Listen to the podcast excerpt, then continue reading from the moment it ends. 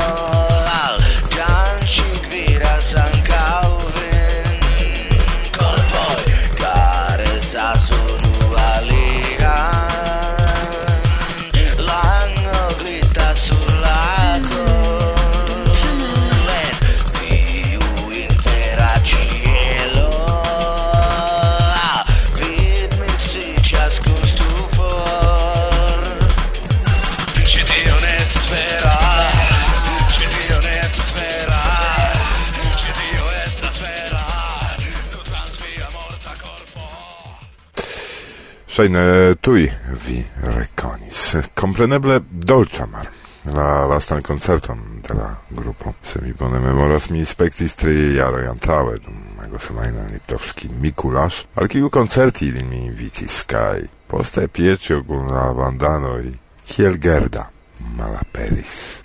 Tamen por la ŝatantoj de la muziko mi havas bonan informon. Interesiĝu pri kontakto la revuo de Teo en kiu baldaŭ aperos interviuo kun Piecio, pere de kiu sendube vi ekscios multajn novaĵojn, ne nur pri la agado de Dolĉa Mar, sed ankaŭ pri la novaj planoj.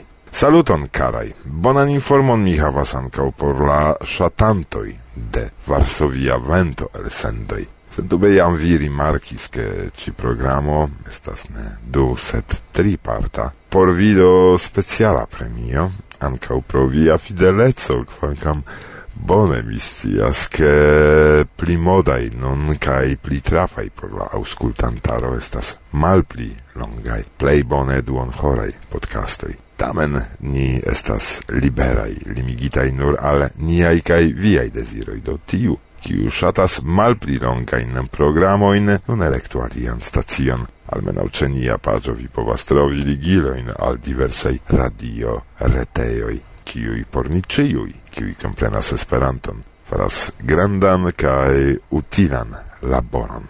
Sendube. Do, kio hodiaŭ en la programo?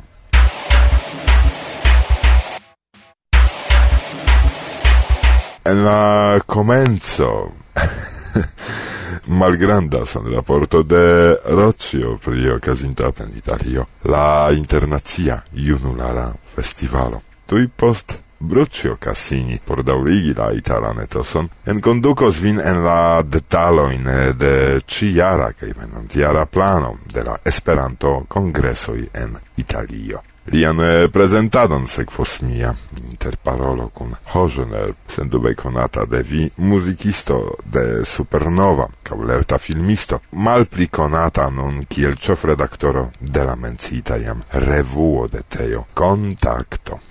Tamen tio ne estas cio, Martusia Goszka Rudzia, krom kutima pri parolo de viei reagoi, hodi jau kun Paweł, en kondukos vin en la detaloin ligitain kun verko de Izrael Lejzerowicz, la Verda Biblio. Dume prezentigios Jerzy Fornal, la aktoro de la Pola Nazia Teatro, kai de la Esperantista Teatro Espero, kiu, giuste, prezentas al la enhavon de la libro. Cion tion pricolorigos compreneble bona kiel ciam. Muziko do, karaj auskultantoj kie ajn nia programo vin atingas, la sepdek unua elsendo de Varsovia vento. Bonan auscultadon. Varsovia vento, la podcasto mia ciam bona momento, Varso via vento La orgasmo radia mi ne havas tro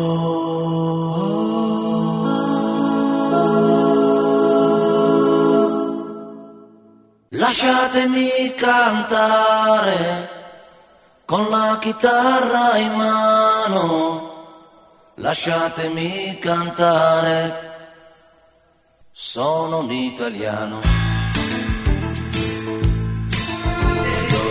storia gli spaghetti al dente Partigiana come presidente Con dottorale sempre nella destra Dai, con la sua fine L'astanoto con tanti al civili Happy Smith, Charles di Valone Ebla tra i miei appartenenti al cast Kiwi ritiro, ritiro, ritiro, ritiro. uh, contributo alla programma, do diri elegis, uh, mi discusoin, cae uh, comandacum cefe ancau al diri, diri, diris, char tio estis ege malfacila tasco, cae mi esperas uh,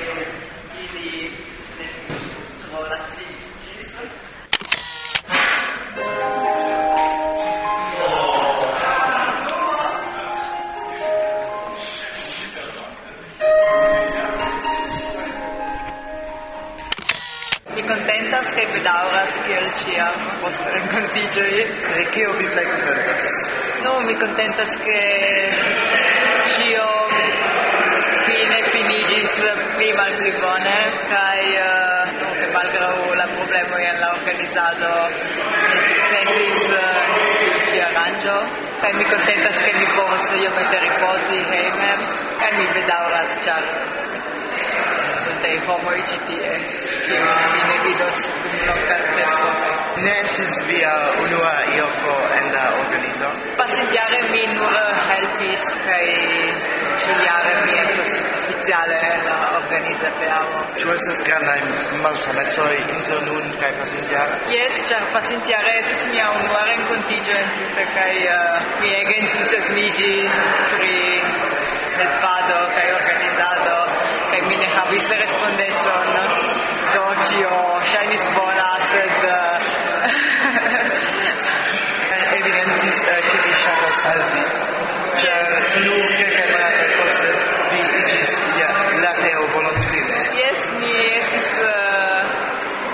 uitate, eu volontudino sicer piče UE postrnja aktivičo en Esperanta movado. Mi volas que mi dedicación del libro es Manuela, o mi dedicación, mi volas que gran mi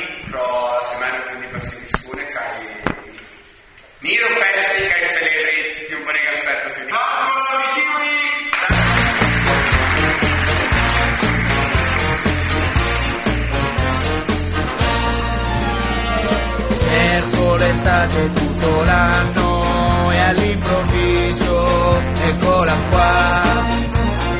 Lei è partita per le spiagge e sono solo qua giù in città sento fischiare sopra i tetti un aeroplano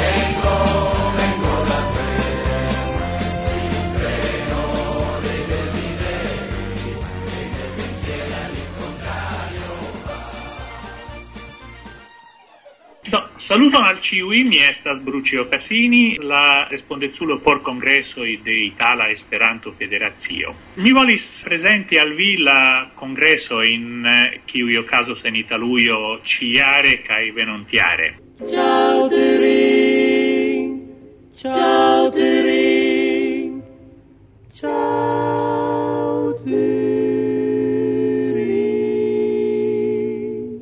Ciare la congresso caso Torino, char estas dumilde cunu la cent quindeca da treveno de la unuigio de la stato Italuio, cae la unua cef urbo estis Torino, do mi festos la cent quindecan da treveno de la unuigio de la lando en la urbo kiu estis gia unua cef urbo. Torino estas granda industria urbo nun, kiukreskis ĉefe dum la dudeka jarcento, ĉar en eh, la komenco de 1900, do kiam ĝi ek estis la ĉefurbo de Italujo, ĝi estis apenaŭ pli ol cent mil loĝantoj, nun estas circa un miliono da. Ĝi kreskis danke alla fabriko Fiat de automobiloj, kiujn eh, multaj el vi certe konas aŭ almenaŭ aŭdis la nomon. Sed ĝi estas ĉefe historie urbo de reĝoj, urbo tre bela, ĝia mm, strukturo fontas eĉ la Romia imperio, kaj ĝi ancora ancorau gardas la ortogonalezzo de la stratoi de tiam grandai plazzoi, grandai construagioi, amaso da vidindagioi, la dua plei granda museo pri egiptagioi en la mondo, cae multa estas la feroi por vidi tie. Ma darai la vita mia per poder restriturne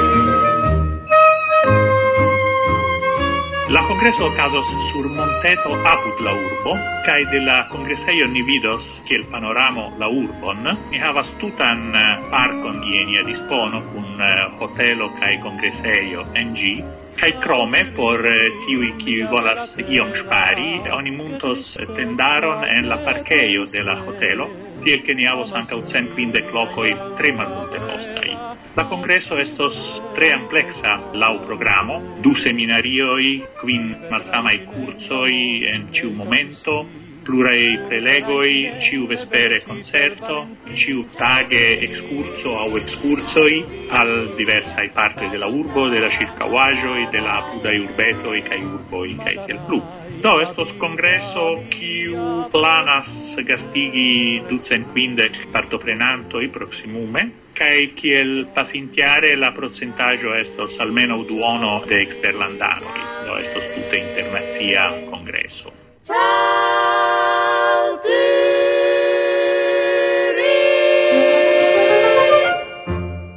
Kai niam estas laboranta al congresso della seguanta iaro, kiu ocasos en eh, urbo Mazzara del Vallo en siciluio Gi estas fama char gi estas la plej granda fish cap haveno de Italuio. Gi estas sepdek kilometro in vid al vide de Tuniso, Caigi estas bela mar urbo kie eblas nagi ne nur en la maro, sed ankaŭ en la nageio de la hotelo, kiu estas fronte al la maro kaj havas propran belan naĝejon. Eh, ankaŭ tie la tuto okazos en la sama konstruaĵo, estos hotelo por quincent personoj, kaj tie ĉiuj personoj kiu venas el malfavorataj landoj kaj ĉiuj personoj kiu estas ĝis tridekjaroj aŭtomate ricevos grandan rabaton de la hotelo mem, rabato de proksimume quardec procento de la cotiso, do estos u tre interesa. kai ancora un interesa facto estas che Mazzara del Vallo, la urbestro, ciam audis pri la propono organizi tie congresson, desiris che ni starigu iom pli,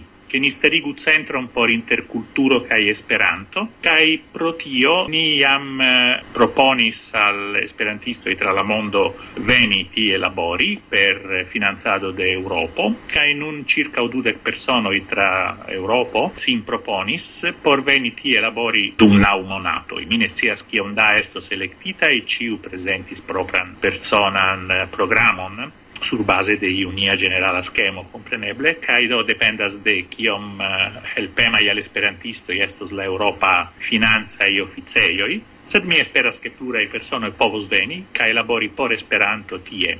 Estis pura i esperantisto in siciluio anta iom da iaro sed la cefa instruisto i bedaurinde forpasis ca anca la esperantisto iom kolapsis. Do estas caso por provi reconstrui esperanto ne in tiu bela insulo kiu esas siciluio ca anca tie ni jam planas excurso in al Agrigento, al Palermo, al la i pluraj interesaj aferoj. Cetere la urbestro de Mazara persone promessi sveni alla congresso in Torino por inviti la esperantista in al congresso sequontiara in sia urbo, che tio estas ne trofta o caso in eh, esperanto movado. Non vedrò più la mia mole né il scorderò le belle tote e le manavi, ciao via, vado via,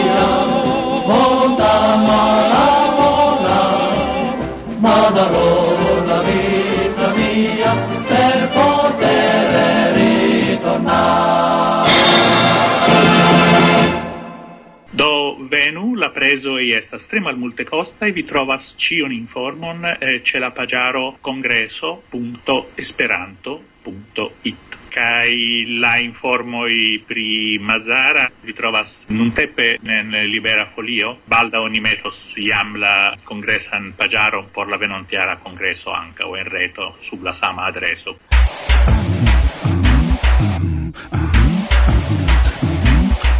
Здравствуйте, дорогие слушатели! Вы слушаете «Варшавский ветер»?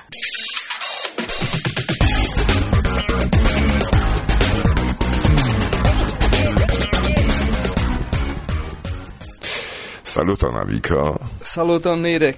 Ĉi tie estas Roger Pavinski, redaktoro de Kontakto. Kiel vi, muzikisto, gitaristo, kantisto de supernova filmisto, kiu en Esperantujo realigis interalie serion de filmetoj. Esperanto estas konatan serion kaj ekster eh, la movado filmis eh, dokumenton pri la polaj emigrintoj en Argentinon polaj spuroj decidis okupiĝi pri kontakto. Fakte Mi okupiĝas pri multaj aferoj samtempe, do ne estas a foi en kiu mi okupiĝas pri revuo. Tui pos kiam mi lernis esperanto, mi konatiĝis kun la revuo Momenton, kiu estas la gazeto de Beio, la Brasil Esperantista Junulara Organizo, kai en ĝi mi legis taglibron pri nacia kongreso de Esperanto, kvankam ĝi estis verkita en la Portugala, mi trovis ĝin vere amuza kaj mi volis fari tion. Kaj do la venontan jaron mi partoprenis la nacian kongreson kaj mi verkis tiun taglibron tiam en Esperanto kaj plaĉis al la homoj kaj post unu jaro mi pensas mi fariĝis redaktoro de momenton. Kaj tio daŭris dum du jaroj.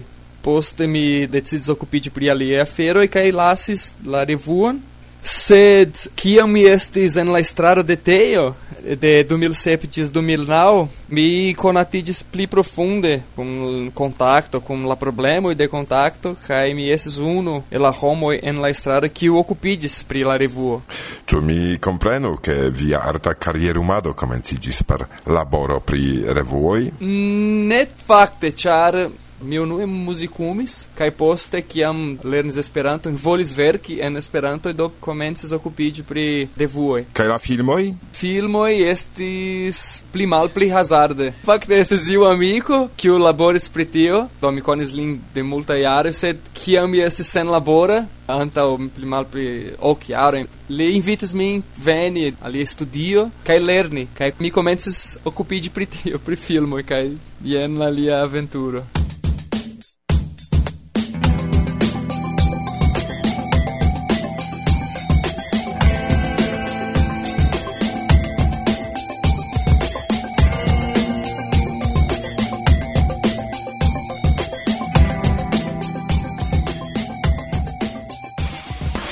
Eh, mi rigardis contacton kai compare alla malnova eldono in un gi ĝi kai sen dube bone. Sine presenta set tamen kiel kutima esperantisto mi pensas ke Esperanto revuo devas trakti pri Esperanto movado, kulturo, pri Esperanto evento kai mi prenas la redaktatan de vi revuon en mano in kai mi vidas inter alie sin mortigo vilaĝo kiu rezistas dank al sia biero restu malsana restu naiva, kial tiuj temoj se ekzistas multaj nacilingvaj revuoj, kiuj traktas pri similaj temoj? Ĉu ne pli valoras okupiĝi en kontakto pri la esperantista realeco? Unu el la trajtoj de kontakto, kiun ĝi akiris dum multaj jaroj, ĉar ĝi estas jam malnova revuo, estas ne trakte nur pri esperantaj aferoj do ĝi naskiĝis kiel soci-politika kultura gazeto. Do ni devas daŭrigi tion.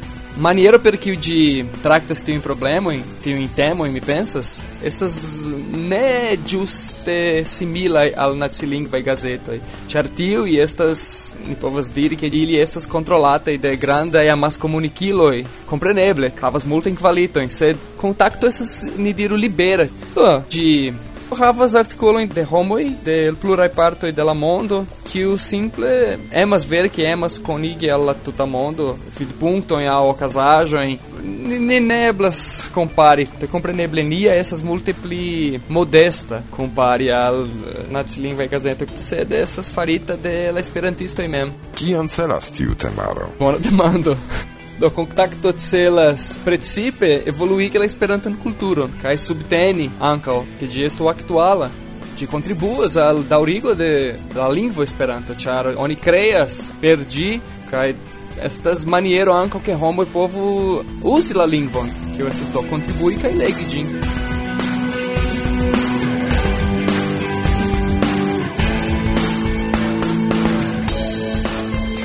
Sendube existas homoi, ancau inter la auscultantoi, kiuj neniam vidis contacton. Kion vi diros al ili, eh, che ili ekinteresiĝu pri la revuo, au gi estas periodazo de teio nur por la junularo, ne por ciui? Contacto estas eldonajo de UEA, kiun ricevas la junaj membroi de UEA, la membroi de teioi, fariĝas abonantoi, automate. Por homoi kiuj ne conas gin, eblas ankaŭ aboni aparte, aparte de UI membreco. Estas nia retejo, vi trovas en la priskribo de la elsendo. en ĝi estas informoj pri la revuo, estas abonilo, ekzemplero senpaga, do eblas elŝuti ĝin. Por homoj kiuj ne konas ĝin, mi diras ke ĝi estas uh, moderna revuo, tre alloga, ĝi havas interesajn kontribuaĵojn de homoj el pluraj partoj de la mondo, en havas artikolojn pri kulturo. Ĝi ankaŭ traktas temojn rilate al lingvo, ĉar ĝi havas intervjuojn kun muzikistoj, filmistoj, kiuj lanĉas aferojn en Esperanto. Kaj intervjuon kun Simono Ĉapeloj. Ĝuste. Kaj la venonta kiu aperos ĉi-semajne aŭ tuj enhavas intervjuon kun Dolĉamar. Do tamen eh, pri la esperantista kulturo Ĝuste. Nuntempe ĝi enhavas kvar paĝojn dediĉitaj al la movado, ĉar gazeto Tejo Tutmonde de Tejo extingiĝis, do aldoniĝis kvar paĝoj al la revuo, kiu traktas um, movadon, ĉar do interesas nin, ĉu ne? Mm. Revenante al eh, pli frua temo, che existas homoi qui neniam vidis contacton. Mi comprenis che tamen la revuo estas por ciui, ne nur por gejunuloj. Sed eh, se ciui povas gin aboni, ciu ancau ciui raitas gin contribui. Bona demanda, ĉar oni pensas, che nur junuloj povas contribui, kaj tute ne. Ciui povas contribui, ciui povas legi, ciui povas aboni. Tu estas eh, multe da kunlaborantoj? Compreneble povus esti pli. Do ili venas, ili ne venas abunde. Mi devas mm, multe labori pri tio, char se oni simple attendas che contribui al veno al via postkesto, tio ne okazos. Do oni devas instigi la homo in peti ilin verki aperis nur du numeroi sub mia redaktado. Sed mi pensas che iom post iom la homoi uh, vidos la articolon kiun ili mem verkis. Tio iam okazis, homoj vidis, kontribuis kaj ŝatis kaj ili estis instigitaj daŭre kontribui. Estis iam tiu iniciato verki per facila lingvo kaj por tiu ĉi celo kontakto kreis eĉ eh, specialan eh, vortaron, ĉu Tio plu aktualas aŭ ne plu gravas instigi homojn ke ili verku facile legeblajn artikolojn. Tio estis enkondukita antaŭ multaj jaroj, ĉar oni rimarkis ke kontakto estis multe uzata por instruistoj, por komencantoj. Sed dum prescau ses monatoi au quim monato in cui mi estas redaktoro ne venas eh, uh, facilingvai contribuoi aperis unu kiu ni adaptis char gi estis verkita sen tiu regulo al tiu vortaro sed ni adaptis gin.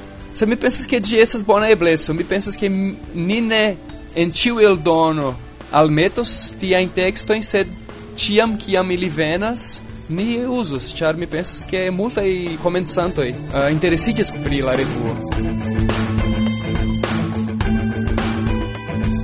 Existas uh, la papera versio, vi menciis che contacton eh, ankaŭ oni povas elŝuti en podofo formo. Ĉu oni dissendas revuon au au do au la elektronikan au la paperan formon? Ne, kontakto fakte estas ĉefe papera, Antau quelca iaro estes ebleco, che la abonanto ricevu il shutu facte la elektronikan version el la mm, retejo de UEA. Se tio eblas nur por abonantoj, kiu povas mm, pli frue o la papera versio legi gin. Ni facte faris unu mm, excepton en nia unua numero, kiu estas la duobla numero de la pasinta jaro, la el numero kvin kaj ses de 2010, char esses la unua sub nia respondeco de nova redactado, nova graficisto, por varbi ni ebligis el chutigin presca sen page, por ne abonantoi. Kai kio tio signifa? Signifas ke oni povas el chutigin kai multa iam faris tion per simpla pepajo. Kai kio signifas tiu pepajo? Estas eta mensaggio en visage libro au Twitter, per kiu oni disvastigas la ligilon. Do, la messaggio diras mi el shutis uh, la podofo version de revuo contacto el shutu anca vi kai tiam vi povas el shuti tiun specialan duobla numero sen pagi. Vizac libro facebook por ti kiu ne e ĉar c'è nia redakcio estas e opinioj pri la esperantigo de tiu cinema. Yes mi aŭskultis la disputon pasinte eldonon jes uh, eh, ĝuste eh,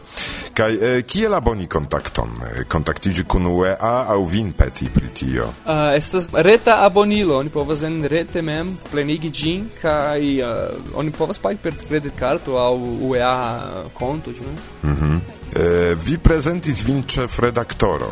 Yes. Do kiu krom vi estas en la redakcio? Do, la redakcio konsistas el mi kaj konstantaj kontribuantoj. Kaj tiuj estas nun estas Alexander Otsintsev, kiu verkas pri kino, Viktoro Solé el Katalunio, kiu verkas la blagan blogon kaj nuntempe Simono Kate Barney li kontribuas per ilustraĵoj Juste el tiu blaga blogo aliai contribuantoi estas ni tiom oftai, che tiel che ni ne povas diri che ili en ciu el dono contribuas, sed ciui qui contribuas helpas alla gazeto, ciu ne? Helpas al ni, pri tiu chef redaktoro uh, estas malfacile ĉu ne mi estas vere redakcio do mi respondecas pri ĉio mi devas uh, kontakti kontribuantojn mi devas disvastigi la revuon temaron sugeston instigi homoj kontribui instigi abonojn mi faras tion plezure mi kiam venas uh, la papera versio mi ĝojegas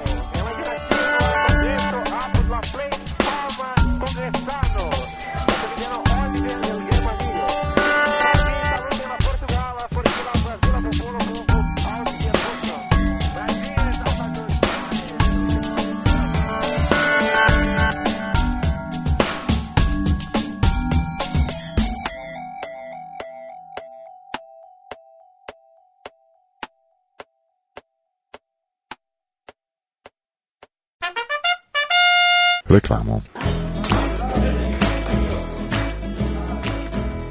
Bonvenon al la 67a Internacia Junulara Kongreso. La ĉeftemo estas daŭropova evoluo, nova concepta por homaro. La programo abundas de diverspecaj kursoj, prelegoj, sportaj eventoj, ekskursoj, koncertoj kaj ludoj. Ĉiun informon vi trovus ĉe la retejo ioko360.retejo.info. Vin salutas Svetlana kaj Andreo el Kievo. Ukrainio atendas vin bona lerno kaj progres mi iam iris al kongres